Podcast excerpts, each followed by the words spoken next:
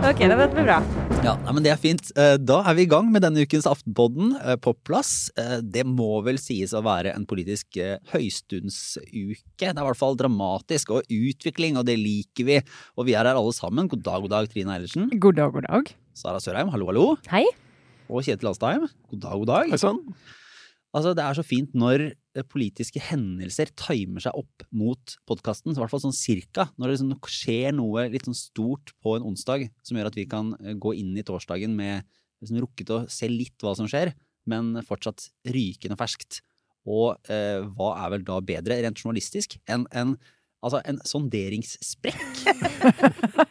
Nei, altså, Hva mer kan vi ønske eh, sånn et par uker etter et valg eh, enn en sonderingssprekk? Ingenting, vil jeg si. Det måtte være en forhandlingssprekk, da. Som i teorien er enda mer dramatisk. For da har det liksom gått enda lenger før de skjønte det gikk til et visst varmt sted. Men, eh, men jeg er fornøyd med sonderingssprekk. Altså, jeg, jeg takker for det. Og det er jo fremdeles mulig. For vi er jo altså SV bestemte seg for å gå ut av sonderingene på Hurdalssjøen hotell. Etterlot Arbeiderpartiet og Senterpartiet der til å finne ut av eh, regjeringsdannelse. Eh, De to sistnevnte har da gått inn i forhandlinger. Gått videre fra sonderinger til forhandlinger.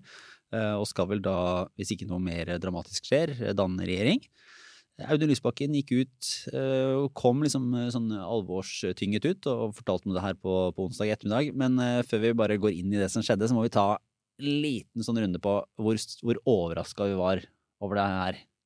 Trine?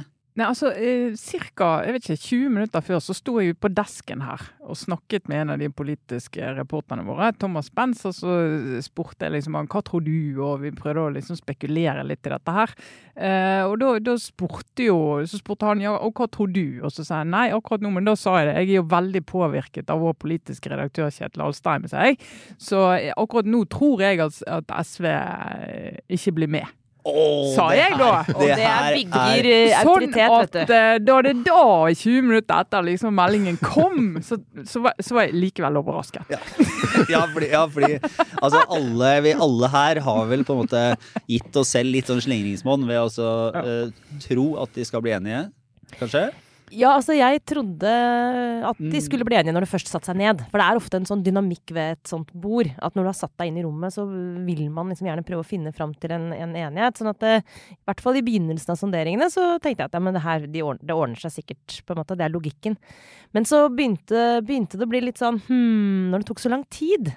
Så, så Og, ja, og ja. ikke minst altså, at Kjetil har vært en sånn uh, malurt i det derre enighetsbegeret. Altså, eh, for du har jo da Vi har diskutert det her både vel forrige uke og uka før der, og, og du Og, i- og i en chat en eller annen sent en kveld da du satt og prøvde å legge regjeringskabal, og mitt spørsmål var men hvorfor har du med SV?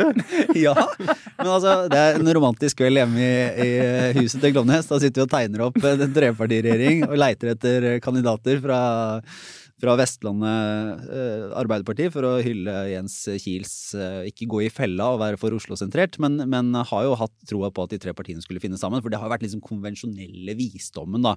Og så er det noen da som jeg vet ikke, kanskje bare har lyst til å være kontrære. Det er jo typisk Kjetil.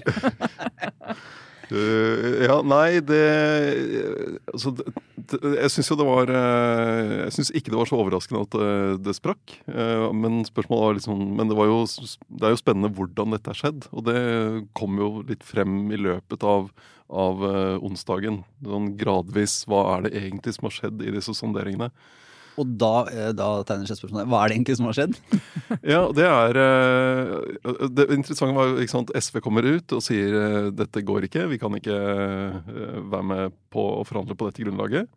Og så kommer jo Støre ut og sier sitt, og Vedum kommer ut. Og Vedum sier at ja, vi kunne vært med å forhandle om På dette grunnlaget kunne vi forhandlet om en regjering med tre partier. Fordi, men altså, i det øyeblikket altså Her er det jo mye sånn politisk altså spill, eller hva skal man si. Alle, man posisjonerer seg jo hele veien. da. Og, og de kom jo ut med, sånn, med gode miner og veldig sånn ryddig og avklart. og Uh, ja, her, her eh, vi ble ikke enige allting, og alle har jo sin historie her, eller sin interesse da, av å, av å forklare det på, på sin måte på et eller annet vis. Men, eh, men vi vet noe om hva som faktisk har skjedd også, eller er, er vi Ja, liksom for- analys jo, for det kom jo-? Det kom jo frem da sånn gradvis utover kvelden at det som hadde skjedd, var at Senterpartiet hadde sagt i disse sonderingene at vi er ikke klare til å gå videre til forhandlinger før vi får avklaringer på disse eh, saksområdene. Og så gikk de sånn presist inn på akkurat de områdene der avstanden mellom Senterpartiet og SV er kjempestor. Sånn som olje og skatt og eh, sannsynligvis rovdyr og synet på, eh, på private barnehager, blant annet. Og da er jo interessant da, fordi Lars, i går, ja, SV gikk fra forhandlingene. Fysisk også. altså Audun kommer ut og på en måte forlater hotellet under Lysbakken. Eh, men egentlig, det er vel det du er litt inne på nå, Kjetil, så er spørsmålet hvem var det egentlig som brøt ja, sonderingene, nei, ikke forhandlingene. Hvem var det egentlig som sørget for at det ikke gikk? På, på en måte så er det, kan det virke som, ut fra det som ble kjent i går, at det er jo Senterpartiet sannsynligvis som har vært veldig harde i klypa, og som egentlig har kanskje vært årsaken til at dette ikke gikk. Men det fremstår som at det er SV som eh, tar sin uh, sekk og, og forlater Ja, og måte Det er interessant sånn, dynamikk, og, og. SV kan jo gå ut med uh, liksom ryggen rak da, og si sånn ja, men vi, vi skulle ha gjennomslag for vår politikk. Eh, Så alle posisjonerer seg nå for å vise fram sitt syn. Men Senterpartiet dobbeltkommuniserer aller mest gjennom å si sånn Vi var helt klare for å gå videre, samtidig som det tyder på at nettopp de har vært bare helt sånn beinharde på Og- at eh, no way. Og det er viktig for Senterpartiet, fordi hvis det hadde fremstått som om her er det Senterpartiet som eh, måtte, kaster ut SV, eh, som de da i realiteten gjør, Ja. eh, så ville det vært mye vanskeligere for Vedum internt. fordi du har jo folk i Senterpartiet som vil ha med SV i en regjering. Men ved at de greide å kjøre, ta alle de absolutt vanskeligste sakene med en gang, i stedet for å ta nå går vi inn i en bred forhandling og snakker først om alt det vi er enige om at vi skal gjøre, men liksom du krisemaksimerer med en gang, så greide de å få den Ja, situasjonen. noen Men det, dette SV ville jo blitt vanskelig ja. på et eller annet Ja, tidspunkt. men jeg, men jeg snakket med noen i SV eh, som, som sa at dette ja, nettopp, altså, det var jo vanskelige ting, og det er jo reelle politiske forskjeller Mm. der man er uenig. Eh, Men det går jo an å velge noen premisser for forhandlingene som ikke kanskje er de stakene der man står lengst unna hverandre. Eh, Og der var vel oppfatningen at det sånn strategisk ikke lå til rette for å sånn få en sånn kjempegod dynamikk, da. Og det viser jo at, altså nettopp poenget med at de partiene hadde ulike innganger til disse Mm. sonderingene. Der Senterpartiets inngang var at de i utgangs- de så ikke for seg en flertallsregjering med SV. Men nå, eh, handa i været eh, altså, Du har en person i midten her Ja. som eh, på en måte har, uh, har forhandla, som er liksom diplomaten med stor D. Jonas Gahr Støre er jo, er jo på en måte den som eh, kanskje den størst troverdighet i Norge på å skulle da føre sånn dialogen. sammen, eh, ordne dialogen. Ja. Og så eh, feiler han da i løpet av en uke med det som skulle være Altså, jeg hater uttrykket drømmeregjering, men i hvert fall hans liksom lag. Så, Mm. er, så er det eh, Vet vi noe om hvorvidt det her er liksom Jonas Gahr Støre som har driti seg ut, eller er det kanskje bare at det var umulig? Altså, jeg, jeg heller nok mot det siste, da. For jeg syns det, det rimer såpass mye, både det de har sagt før valget og det de sier nå. Eh, alle partiene, egentlig. Og hva det handler om når de nevner de sakene. Det er jo ikke sånn at noen prøver å snakke seg vekk eh, og gi inntrykk av at det handlet om noe annet enn faktisk politikk, da. For det er jo det de gjør. Men det som er interessant å tenke på, er jo i hvor stor tro det virker som at Jonas Gahr Støre har hatt på at dette skulle gå. Så jeg tror han har trodd at hvis vi bare får satt oss ned, så kommer det til å løse seg. Bare få disse rundt et bord, så går det bra. Eh, selvfølgelig et symptom at Senterpartiet ikke har noen av nestlederne sine til stede. En nydelig illustrasjon på hvor vanskelig det var å tenke seg at de skulle komme der med en sånn eh, Vi er åpen for ulike løsninger. Eh, og så, så er det jo de kjente sakene som gjør at det ikke går. Og det har jo vært kjent hele tiden. Men jeg tenker Jonas Gahr Støre tror han skylder både seg sjøl og alle som har hoppet på en flertallsregjering, og og i hvert fall har prøvd. Så vet jeg ikke hvor overrasket han er. Det er noen som har sagt ikke sant, Støre han har jo forhandlet med Russland om delelinja, han har forhandlet med Taliban, han har forhandlet med Hamas. Men nå møtte han Marit Arnstad i toppform!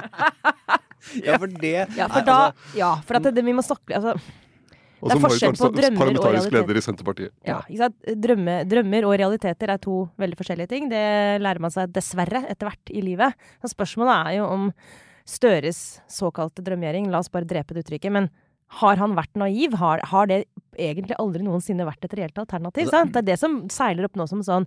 Og hvis han trodde på det, hvorfor valgte han likevel å gå inn i sonderingene og være så tydelig på at vi skal snakke sakene først? Fordi om det i det hele tatt skal være en sjanse til å lykkes, så måtte han ha bygget et, en sånn fellesskapsforståelse disse tre partiene imellom i starten. Da. Altså en eller annen sånn forbanna sånn høyere himmel-greie som visjonære ledere skal lage for å få folk med seg. Så alt det der virker jo ikke som han har prøvd engang. Altså rett på sak. Å ja, men de sakene er umulig å forene. Og da kan det ha vært andre rundt bordet? For eksempel da Marit Arnstad, som har vært mer sånn he-he-he, dette her kan du bare drite i. Myten om Marit Arnstad vokser, og vi vokser. bidrar eh, gjerne for det. Altså, det er bare sånn, Folk i politikken får jo roller, da. Og så er jo noe som er frikobla fra virkeligheten, og noe som er eh, reelt. Jeg bare ser for meg at Marit Arnstad er der eventuelt da Jonas Gahr Støre er mer sånn drømmeregjering, så er Marit Arnstad harde realiteter. uh, og hun har sittet i de forhandlingene før. Og jeg innbiller meg Altså, Marit Arnstad det er, Hun er en edderkopp i alt dette her. Altså, jeg ser for meg, jeg våkner, Vi våkner opp en dag, og så er det plutselig Marit Arnstad som har tatt over Norge. Sånn, Å ja, nei, Jonas Gahr Støre han ble ikke statsminister likevel. Det var, Han ble faktisk næringsminister. ja. altså, Nei, er, men, det, eh, men det er jo eh, altså, Bare for å snakke litt om Marit Arnstad, da. For hun er jo Hun var jo med på, eh, på Soria Moria i 2005, i de forhandlingene der. Ja, og før det så hun satt jo i sentrumsregjeringen. Ja, så hun, hun har jo vært med i flere runder. Hun har vært med på å forhandle frem regjeringsplattformer. Hun har vært med på å sitte i regjering og se partiets oppslutning falle time for time, egentlig. Hele veien. Den undergang minutt for minutt. Ja, altså hun har vært med på å jobbe med SV i en periode der disse sakene som nå gjør at de ikke kan jobbe sammen, var viktige, men ikke så relativt sett avgjørende som de er nå. Sant? For de er mye viktigere på totalen nå enn de var da. Så også hun kommer inn i dette med en sånt genuint ønske om at de skal komme i en posisjon der de faktisk kan finne flertall til ulike sider. Nå har de snakket litt forskjellig om det i sommer. De har drevet en sånn fin, fin balanse eh, med å snakke om de skal jobbe med SV eller ikke. Eh, Eller jobbe med høyresiden, unnskyld, eller ikke. Og så er hun, hun er den mest rutinerte av de rundt det bordet der. Altså by far også. Altså virkelig sånn Hun, hun må jo ha sittet rundt det sonderingsbordet og bare følt seg som Og ikke bare følt seg som, vært et overmenneske. Hun har jo alle triksene. Hun vet absolutt ja, hun alt. alt. Altså, Og ja. så har vi jo kommentert før at i valgkampen så har jo Senterpartiet de har brukt Vedum. Han er posterboy for eh, Senterpartiet. Han er ute og snakker i sånne one-linere og sånne upresise oppsummeringer. og Sånn går det i Norge, og dette skal vi gjøre. Og sier ting som de kommer til å virkelig møte, møte i døren og få bite de bak alle de uttrykkene der. Marit Arnstad har jo ikke gjort det, og hun er ikke nestleder. De har ikke brukt nestlederne omtrent i det hele tatt. Sant? Ola Borten Moe og Anne Bjarte Tvinnerem. De har vært helt usynlige i denne valgkampen, står på helt forskjellige sider. Marit Arnstad står trygt i midten. Hun vet hva alle tenker, hun vet hva de ønsker seg. Hun klarer å forene det. Og i hvert fall sånn som det ser ut nå, så stoler partiet på at hun sørger for at det ikke går helt galt.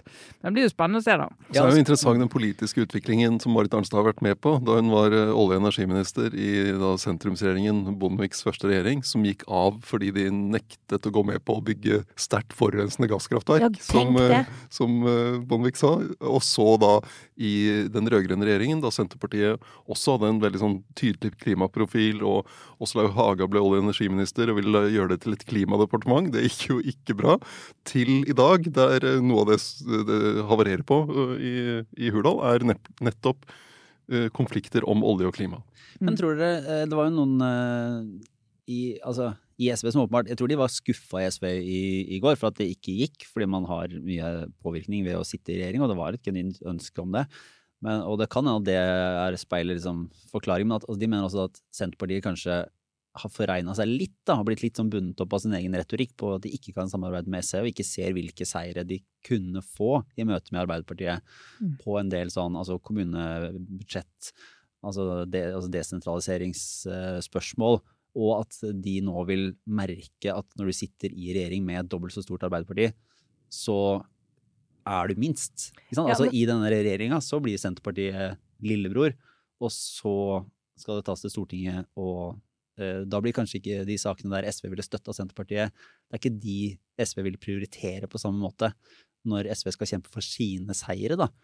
Eh, sånn at, eh, sånn at du får veldig mange daglige seire, men, men kan gå glipp av noe. Jo, men poenget er kanskje hvor eh, høy selvtillit Senterpartiet har på at de nettopp ikke vil bli sett på som en sånn juniorpartner som, eh, som på, på si, bare må gjøre som Arbeiderpartiet sier. Selv om rent sånn tallmessig så er de såpass mye mindre at jeg ser helt det poenget at eh, det er høy risiko å gå inn og være en, en lillebror i en sånn setting og risikere å bli overkjørt hele tiden, men likevel sitte i posisjon. Det er jo dødens posisjon, det. sant? Det er jo mange partier kjent på. Men det er et eller annet som bare Og det handler jo mye mer om kommunikasjon og retorikk egentlig enn faktisk valgresultat. Men det er ingenting som tyder på at Senterpartiet som frykter å miste seg sjøl i den konstellasjonen der. Tvert imot så virker de som de tenker at eh, de kommer til å klare å få så klare seire på de sakene som er viktige for dem, eh, selv om de er så mye mindre enn Arbeiderpartiet, at de ikke frykter den liksom, skyggenes dal-situasjonen. Vi må se om det, ja. Så har jo Arbeiderpartiet flyttet seg og nærmet seg Senterpartiet på en god del av de politikkområdene. For de mistet jo masse velgere til Senterpartiet underveis, så de har flyttet seg eh, i den retningen. der. Så du skal vel få høyskole på Nesna og lærerutdanning på Nesna igjen og alt mulig. Og fødetilbud eh, på Nordvestlandet, og vi skal Skal føde på hver knaus snart. ja, altså, det, det er jo det, det som blir veldig eh, både gøy og spennende nå, når alle disse veldig konkrete ønskene som vi skal reversere herfra til evigheten, og domstolsreformer og regionreformer alt som er, skal bruke masse energi på det nå i starten. Og så skal du liksom Og der tror jeg faktisk Arbeiderpartiet bare innser at en del av disse tingene må Senterpartiet få. For de har vært så tydelige på det. da. Så må de bare si ok, det er noen milliarder. Det er kanskje ikke helt fornuftig, men de får bare, vi får bare gjøre Men det. det er litt spennende å se, da, for jeg oppfatter jo, basert på det som kom ut nå de siste dagene, i hvert fall, som at, som at SV kanskje var litt skuffa også over Arbeiderpartiet, fordi at Arbeiderpartiet ikke ville bevege seg, eller ikke kom dem i møte nok da, på det som dreier seg om kanskje både skatt eh, og olje. eh, og, og mulig sånn privatisering, eller hva skal jeg si, antiprivatisering i offentlig sektor, eller hva skal man kalle det. Altså eh, private tilbydere i eh. Profitt i velferden. Profitt i velferden, ja. som, som, som er fjor der. Men jeg lurer på, det er jo også kanskje et resultat av at dette nettopp er kompromisser som har vært vanskelig å finne internt i Arbeiderpartiet. da. Sånn at uh, Jonas Gahr Støre kanskje vurdert at ja, men den oljeenigheten som han har fått uh, framforhandla, som har vært vanskelig i Arbeiderpartiet mellom AUF typisk og LO, at det kan man ikke bevege i for mye i SVs retning. Nei, og det ville, hvis han, ja. Så spørsmålet altså Det vil jo treffe andre veien også potensielt. Altså, eller vil ikke det? Altså I møte med Senterpartiet så ville han jo fortsatt måtte stå på eh, de vanskelige kompromissene internt i Arbeiderpartiet. Eh, i, ja, I møte med Senterpartiet. Er, er, det, er det lettere? Eh, nei, jeg, jeg tror ikke det. Nei, For Arbeiderpartiet så hadde det vært best at de fikk med SV. For da hadde du f.eks. på det, eh, den løsningen de fant i partiprogrammet på klima og olje og sånt, eh, der de greide å få til, en, til slutt en løsning der både AUF og, og industridelen av LO var med. Eh, Fikk de balansert i partiprogrammet. Og hvis han hadde SV på den ene siden og Senterpartiet på den andre siden, så kunne han på en måte tatt den samme balansen inn i en regjeringsplattform. Men nå mister han jo da den ene delen av det.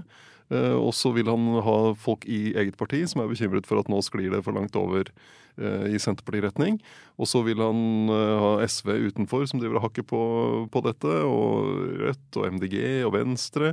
Eh, sånn at eh, Det er jo noe av grunnen til at det er, det er Støre som er den store taperen. Ved at han altså, mister den styringsdyktigheten som en flertallsregjering har, og det at han får en stor flanke på venstresiden. Og så Og, er- og delvis, altså Ikke bare venstresiden i klimapolitikken, den strekker seg over til dels til, til venstre. Og så blir det veldig spennende å se hvordan Høyre posisjonerer seg på det. For det var jo sagt der at den skillet internt i, blant de tre partiene, den går ikke nødvendigvis mellom Ap, SP, SP og så SV, men egentlig midt i Arbeiderpartiet. Mm. Som så mange andre saker i norsk politikk, sant? Mhm. Som, hvor konfliktlinjene skjærer tvers gjennom Arbeiderpartiet. Og det er jo en, det er, det er en, det er en evig utfordring for det partiet. Det er også en utfordring som kommer naturlig i kraft av å være et så stort parti, og det er et ønsket, eh, en ønsket situasjon også. De, de vil jo favne bredt, Arbeiderpartiet, og skal, skal jo gjøre det. Men det er klart at særlig nå som klimaet er så viktig, så er det derre den, den balansen der, og det å klare å holde det partiet forent, i seg selv veldig, veldig krevende. Når man i tillegg da skal se, klare å lage konstellasjoner utenfor partiet, så er det eh, Det er ikke en setup for uh, suksess, på en måte. Det er ikke rart at Jonas Gahr Støre sliter som leder, men det hadde gått an å se for seg andre måter kanskje å løse det på. da. Men, men på Stortinget også, den dynamikken der hvor SV nå um, kunne vært da en partner i en regjering som skulle balansere ut den regjeringen. Eh, men ville jo de, det, i en sånn situasjon, møte en venstreopposisjon selv på Stortinget, som ville vært veldig veldig krevende for SV. Eh, nå kan de isteden gå i allianse på et vis med eh, resten av venstresiden og danne den mest kraftfulle venstreopposisjonen vi ville hatt i et norsk storting. Eh, sånn at du får, i tillegg til alt det vi allerede har ramset opp for Jonas Gahr Støre som krevende, så får han da en helt unik egentlig, situasjon for en statsminister som blir akkurat like hardt utfordra fra både høyre- og venstresiden i denne perioden. Sant? Og, og det er jo en helt sånn Klassisk sentrumsregjering. Ja, egentlig. Det er det vi har fått. Vi har fått en sentrumsregjering. Eh, akkurat den situasjonen for SV tror jeg må vi også ha inn i vurderingen av hva var det, altså hva var det SV fant ut på i Hurdal. Eh, Hvor langt kunne de gå, hva slags kompromisser kunne de gå med på. Fordi de, et Rødt over sperregrensen, et MDG som ikke kom over, men som er gått fra én til tre representanter, det, det da å sitte i regjering og inngå masse kompromisser som skal hakkes på hver eneste dag fra, fra venstre kant for SV, ville jo blitt belastende. Og SV fikk jo ikke så godt valgresultat som de, noen målinger tydet på mot slutten. Så da eh, er jo også vurderingen av, for SV ja, ok, de, de mister eh, muligheten til å styre departementer og all den makten som ligger i sånn dag-til-dag-politikk i departementene. Men ved å sitte på Stortinget og forhandle om budsjett, så vil det bli sy mer synlig hva de får til. Og da var det jo Da ble det en SV-er som, som lista opp liksom mulighetene da, for, å, for å nettopp pirke dette her. Og, og man så det jo i eh, egentlig to, liksom en setning i den uttalelsen fra Audun Lysbakken da, de, da han varsla at de kom til å gå ut. Så var det at de liksom, jeg husker ikke helt formulert, men de for, forbeholdt seg retten til å, å altså Et fritt opposisjonsparti forbeholdt seg retten til å fremme eh, egne synspunkter, også ting som har vært oppe i diskusjonen eller sonderingene. Da. Eh, og da kan man jo se for seg at det kommer altså, forslag i Stortinget som vil presse Arbeiderpartiet hardt på eh, f.eks. klima og miljø eller løsninger der, der egentlig halve gruppa til Arbeiderpartiet eller halve Arbeiderpartiet er helt enig. Og hvis, hvis regjeringa da skal stemme ned eller liksom finne et annet flertall mot eh, det som ses på som enten sånn miljøvennlig eller liksom rettferdighetsspørsmål da, som kommer fra Venstre, så kommer det til å bli smertefullt. Ja, altså Skatt populært. kommer til å bli en veldig sånn tydelig illustrasjon. Sant? Det kommer forslag om å øke skattene fra den venstrefløyen i Stortinget, og så skal eh, Arbeiderpartiet og Senterpartiet være de som sier at nei, det kan vi ikke gjøre, for vi eh, lovet velgerne at vi ikke skulle øke skattenivået. Vi kan liksom endre på eh, postene og selve puslespillet, men totalsummen kan vi ikke øke mer enn eh, det vi har sagt på formuesskatt. Et par sånne småting, egentlig, da. Sammenlignet med de andre. Ja, så har du den situasjonen, ikke sant. Ja, på saker så vil, det- vil det være eh, sterkt press derfra, men så har du også den hele den by-land-dynamikken som prega valgkampen i veldig stor grad. Den eh, blir jo ikke akkurat mindre nå. Altså hvis man, ser, hvis man bruker det perspektivet på, på Stortinget nå og regjeringen, så er det jo, selv om det er en forenkling, så kan man jo si at på en måte land vant. og så se- by tapte. Hvis du tenker på akkurat regjeringskonstellasjonen.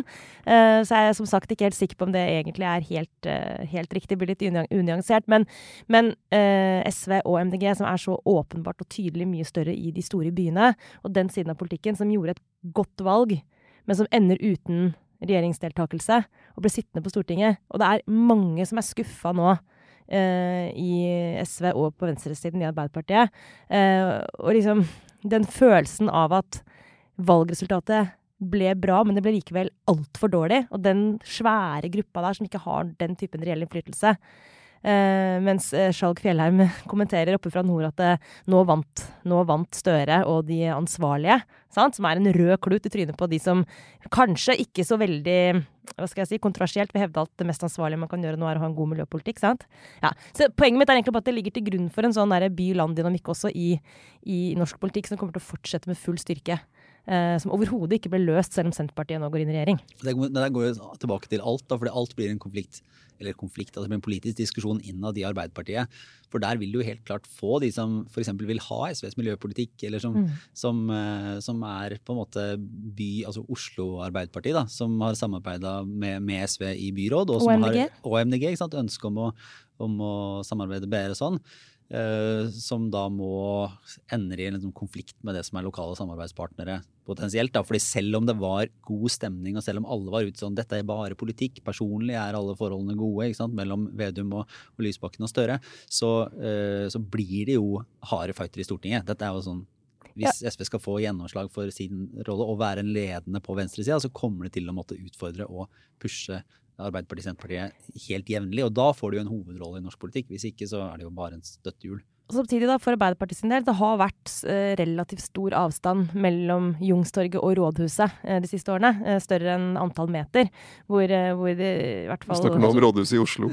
Altså Rådhuset i Oslo. Altså, Det finnes bare ett rådhus. altså partikontoret og, eh, for Nasjonalpartiet og, og rådhuset. Ja. Altså Oslo Arbeiderparti og det store nasjonale kongelige norske Arbeiderparti. Der har det ikke vært eh, bare god stemning de siste årene. Det har vært eh, litt sånn forskjellige konstellasjoner der, og, og en viss, om ikke ikke konflikt, tror jeg, å ta i, men litt uenigheter. Og det er ingen grunn til å tro at det skal bli enklere å håndtere nå. Altså Nå er Oslo Arbeiderpartiet er noe ganske annet enn resten av Arbeiderpartiet, hvis du ser på hvem de samarbeider med, og, og hva, det, hva de rett og slett kommuniserer til sine velgere.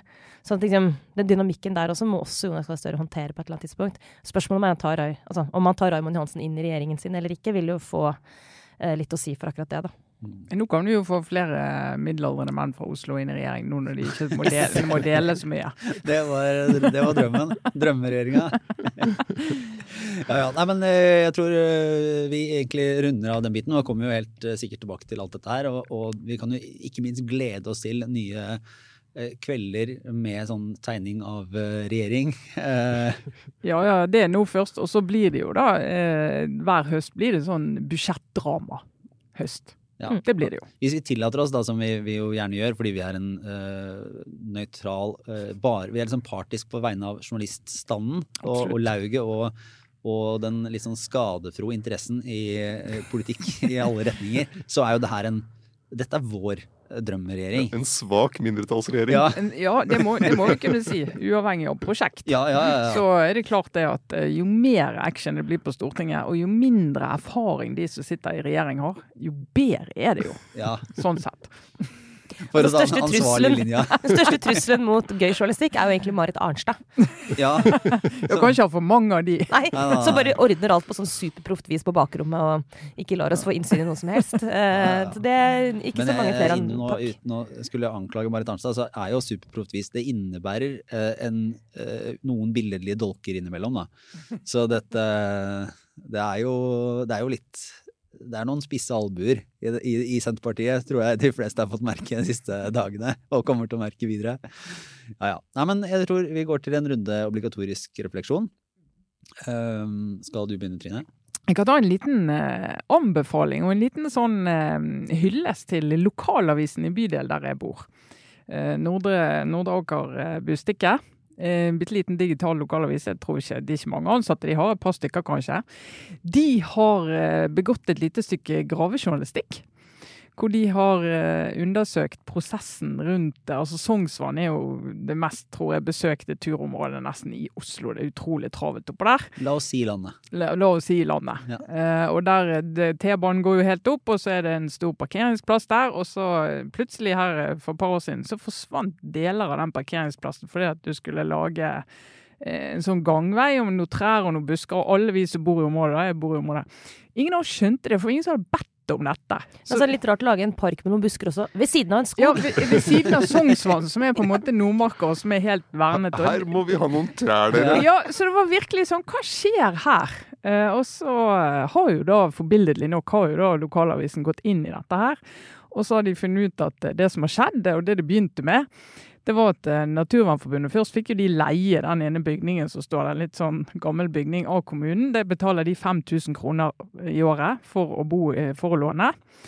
Og da hadde etaten, Bymiljøetaten liksom sagt til politisk ledelse at jeg tror kanskje ikke det er så lurt å bare gi de den avtalen, fordi at eh, det kan bli oppfattet som uryddig og ikke transparent. og Dere burde kanskje utlyse så flere kunne få konkurrere om denne avtalen. Det ble ignorert. Og disse ønsket seg en sånn grønn port til Nordmarka. Som skulle være her. Og det er som sagt det er ingen som jeg vet om som har bedt om dette. For det er grønt og det er porter og det er liksom det er ikke noe vanskelig å komme seg inn i Nordmarka. det er ikke noe vanskelig å finne Nordmarka. Og Når du står på, når du står på Ja, det er veldig- veldig det gå mystisk. Og så, og så plutselig så Uh, Og så sa i hvert fall etaten ok, men hvis det skal bli det, så må i hvert fall de leietakerne må i hvert fall bekoste dette. kan ikke kommunen gjøre. Og så plutselig så har kommunen jo bekostet dette. sant? Brukt over seks millioner kroner på å gjøre dette. Eh, og så, eh, Mot rådet da, fra Bymiljøetaten, så har eh, byrådsavdelingen for miljø og samferdsel de har liksom bare sklidd inn i dette. her, Men det som er problemet med saken, da, og, det ene, og ene begrunnelsen er ja, men da, da blir det lettere å komme seg til Nordmarka. Det blir ikke trafikkulykker og sånn. Krasjer ikke liksom gående fra T-banen med. Så hadde noen spurt ja, men når har det skjedd noen gang? Har noen krasjet med bil? Ja, det skjedde borte på Kiwien borti veien her. Det er sånn 400 meter unna. Og igjen, alle vi som bor der, skjønner ingenting av dette. Hva, hva, hva problem, hva problem har vi løst nå? De skal bygge de skal ta bort parkeringsplassen ved Sognsvann, så at færre folk kan parkere der for å være ute i skogen. For Ja. å bygge en slags grønn port til skogen port. med trær. Ja, med Altså trær. utvide skogen, da, Ja, du, ja, så plante trær. Og for å si det sånn, De har brukt så mye ressurser på å hugge trær der oppe de siste årene. For skogen er jo helt gjengrodd. sant? Og det er liksom, De må nappe ut så du kan få litt luft ned på bakken og sånn.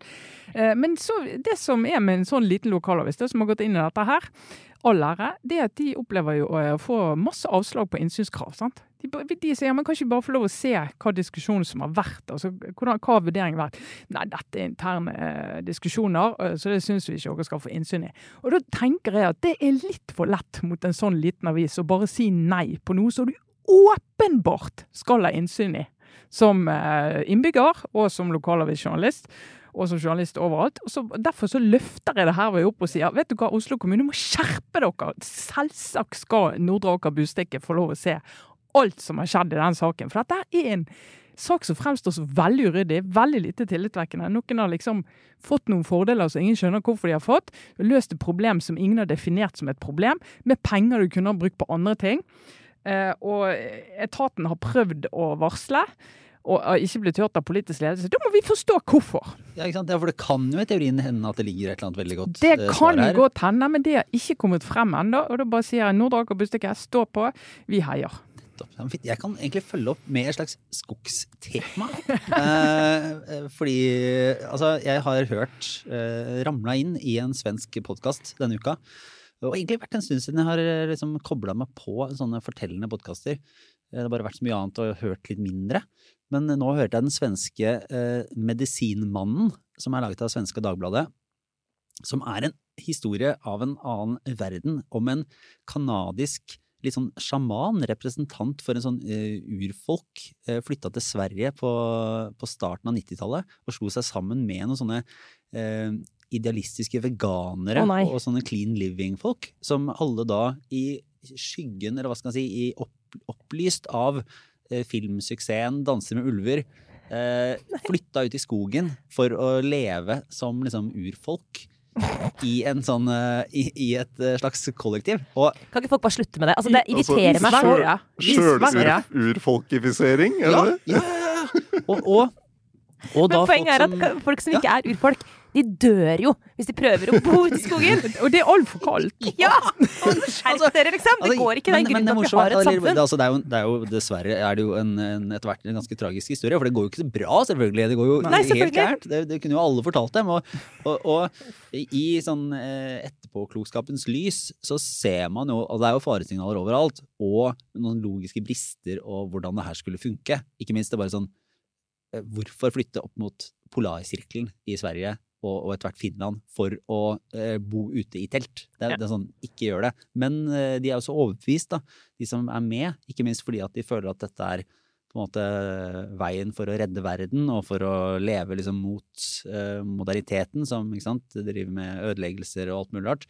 Og er, eh, de skal være da i takt og føle å være på den riktige sida, så roter de seg inn i ting da som, eh, som ikke er helt bra. For å, jeg skal unngå direkte spoilere, men den er, den er eh, fascinerende og godt fortalt, og, og virkelig anbefale. Medisinmannen, da. Du lenker til den, vi lytter. Ja. Bra.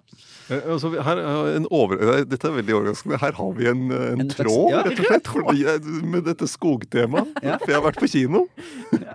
Eh, Sett en ny norsk film eh, av Eskil Vogt, 'De uskyldige'. Ja. Eh, En grøsser. Og det grøsser er ikke helt min greie, men den fikk så veldig gode kritikker. Femmer her i Aftenposten, blant annet. Uh, og der har du, Den er tatt opp uh, et eller annet sted i Groruddalen, tror jeg. Det er sånn forstadsmiljø i Oslo. og det er uh, Noen som ikke bor i denne byen, kan jo ha inntrykk av at det å bo i forsteder i Oslo, det er sånn asfaltjungel.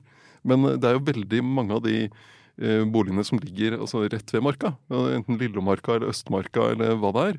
Eh, og det, det du, de har brukt den, det som en scene, eller som location, da, i den filmen. Så det er, det er, eh, det er fint. Og så er det noen barn som spiller bare helt utrolig godt. Uh, og, men så er det, er det, en grøsser, så jeg måtte lage meg en kopp te da jeg kom hjem. Uh, så, så, det, så, ja, det får man liksom finne ut av om man liker den type sjanger og sånn, men uh, mye bra i den, altså. Hva var den het, sa du? De uskyldige. Men det er så vittig, for skogen er en så utrolig viktig del av en sånn forstadsoppvekst i, i denne byen her. Altså, det å bo i en forstad betyr at du tilbringer veldig mye tid i Nordmarka. Med det er helt riktig. pinner og- Med pinner og sturrer deg borti noe greier. Og, men eh, noen av oss som altså Det er liksom Oslo-forstedene. Mens de som er på de, fra de ekte forstedene, vi har jo kunne hatt mer natur. Altså, ja, Jeg skal ikke take opp dette med kunnskap om norsk fauna, men det er klart at Men det er i hvert fall masse rumpetroll på Bøler Ja. og Bogerud og rundt der. Der er det, ja, ja. Så der er det ikke noe problem. Det er verre med Skjetten. Men eh, nei, jeg kan egentlig bare Jeg har ikke noe skogovergang, dessverre. Jo, kanskje! Nei, den er veldig tynn. Jeg tror jeg driter i å prøve. Jeg kan bare komme med en anbefaling. Ja. nå sitter der ute i skogen, hva skal Ja. vi gjøre da? Nei, men Jeg tenkte på det sånn, jeg, skal, jeg skulle anbefale en podkast om det som skjer i Storbritannia nå, på eh, energikrisa der. Så jeg tenkte at hvis ikke det ordner seg, så sitter, vi fort, sitter jo de fort ute i skogen også. Men jeg tror den blir litt tynn, så jeg bare, som sagt, prøver å gå rett på sak. ja, ja, rett på, ja. Eh, jeg skal ikke prøve engang å forklare den saken, fordi den er utrolig komplisert. Men det er jo, vi var innom forrige uke også, altså det som skjer med den energikrisa i Storbritannia. Egentlig i hele, Euro egentlig i hele verden, faktisk, når du ser på energipriser som er på vei opp også her. Eh, som også er utrolig fascinerende, for det henger jo sammen med de store bevegelsene i verdensøkonomien. Så det blir en, en sak eh, også i norsk politikk eh, denne vinteren, Jeg helt tror det blir en sak på Hurdalssjøen, jeg. Garantert.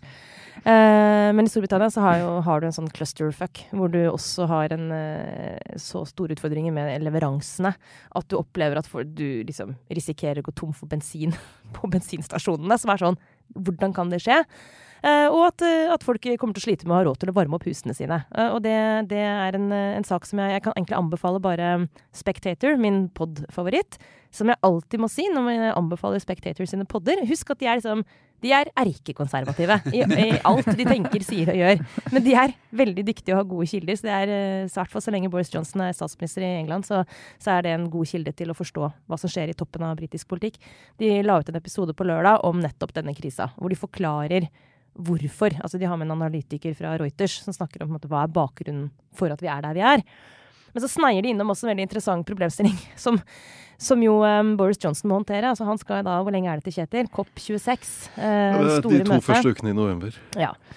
Eh, hvor han skal eh, være vert for klimatoppmøtet, eh, og hvor han og en haug andre statsledere skal snakke om nullutslippssamfunnet og hvordan vi skal klare oss i en verden uten olje og gass.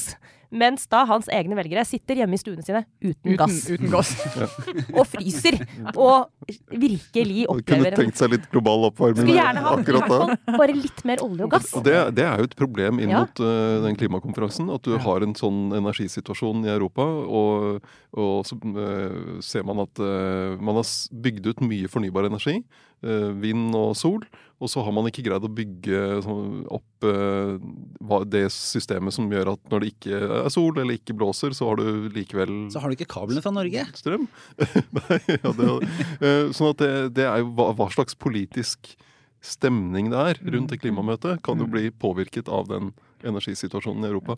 Og bare for å sammenligne litt og sette det som skjer i Storbritannia i perspektiv, dette er mye enda mer alvorlig enn smørkrisen i Norge høsten 2011. Er det mulig? Det er vanskelig å forstå. Altså, men det, er, eh, ja, da, da, det, det får vi noe å tenke på. Ja.